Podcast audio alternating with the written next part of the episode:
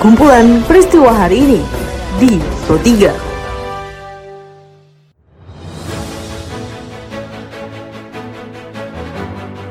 Halo pendengar, saat ini Anda sedang mendengarkan kumpulan peristiwa Pro 3. Pada podcast kali ini saya akan mengulas terkait isu-isu aktual yang saat ini masih hangat atau ramai diperbincangkan di sekitar kita. Tentu saja pendengar, nanti akan saya hadirkan cuplikan informasi dari reporter kami. Bersama saya Karisma Rizky, inilah kumpulan peristiwa Pro 3 di ruang dengar podcast Anda. Pendengar, sebelum saya masuk dalam beberapa isu aktual yang akan saya hadirkan sesaat lagi, saya akan mengundang Anda untuk mampir ke laman berita kami di rri.co.id. Anda juga bisa memfollow Instagram, Twitter, dan Facebook kami di @rri_programa3. Baiklah pendengar, inilah kumpulan peristiwa Pro 3. Informasi pertama pendengar dikutip dari laporan reporter ini Hairani, di mana Direktur Utama BPJS Kesehatan Ali Gufron Mukti berharap sinergitas dengan KPK dapat mendukung BPJS Kesehatan dalam mengoptimalkan implementasi program jaminan kesehatan nasional atau Kartu Indonesia Sehat yang dikelola BPJS Kesehatan. Sehingga dana jaminan sosial dapat benar-benar dipergunakan dengan efektif, efisien, di mana memang resources kita, sumber daya kita ini sangat terbatas dalam membiayai biaya pelayanan kesehatan dan juga yang merupakan hak dari para peserta BPJS.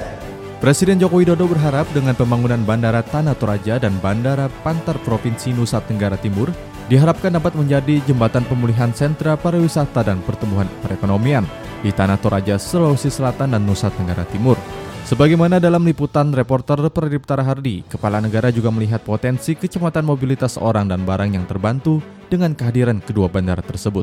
Kita tahu biasanya masyarakat di sini kalau lewat darat mau ke Makassar itu butuh waktu 9 jam. Sekarang tadi saya nyoba dengan ATR 50 menit. Artinya apa? Mobilitas orang, mobilitas barang itu akan ada kecepatan. Dan kita harapkan dengan dibukanya Bandara Tanah Toraja ini nanti konektivitas akan semakin baik, pariwisata di sini saya meyakini akan sangat berkembang, baik nanti yang dari Makassar, bisa saja nanti yang dari Bali langsung ke sini, bisa saja nanti yang dari Jakarta langsung ke sini, bisa saja nanti Bandung langsung ke Tanah Toraja. Untuk melihat negeri di atas angin, melihat Ketekesu, untuk melihat Pangu-Pangu, Informasi berikutnya mendengar berdasarkan dari laporan reporter Rizky Supermana, di mana Wakil Ketua DPR Muhaimin Iskandar menyebut pemerintah harus mencari jalan keluar terbaik menghadapi pandemi dengan mempercepat vaksinasi COVID-19. Hal tersebut dikatakannya dalam peluncuran buku negara dan politik kesejahteraan. Bencana COVID yang terjadi telah membuat kita memulai lagi dari titik nol ataupun bahkan minus suasana ekonomi kita. 3 sampai 4 juta orang mulai kehilangan pekerjaan, kemiskinan mencapai sampai 27,5 juta orang kemiskinan baru, pengangguran sudah di atas 10 juta, kebijakan seperti apa yang harus diambil negara. Satu hal yang sangat fundamental dan prinsip adalah memastikan kehadiran dan peran negara di tengah kehidupan langsung masyarakat. PP PBSI akan memperjuangkan kemungkinan sekecil apa pun untuk mempertahankan pebulu tangkis Indonesia, terutama bagi tiga nomor yang telah lolos 16 besar. Hal tersebut dikatakan Ketua Umum PP PBSI Agung Firman Sampurna dalam peliputan reporter Niar Abdul Litiloli. Dan kita tidak tahu siapa di tim kita tidak. Dan sampai dengan hari ini kita tidak tahu di mana, kapan, dan siapa yang berinteraksi dengan kita.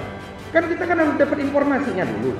Dari 24 kita tidak kita datang dalam kondisi sehat, sudah divaksin dan sudah dites. Dan kita tidak punya kewajiban menjelaskan. Yang punya kewajiban ya mereka yang menyatakan ada masalah. NHS secara harus menjelaskan siapa, kapan, bagaimana. Bagaimana mungkin orang yang tidak terkena, ya tidak positif juga harus diisolasi itu kan sebenarnya tidak masuk akal. Ini bukan protokol kesehatan yang diterapkan.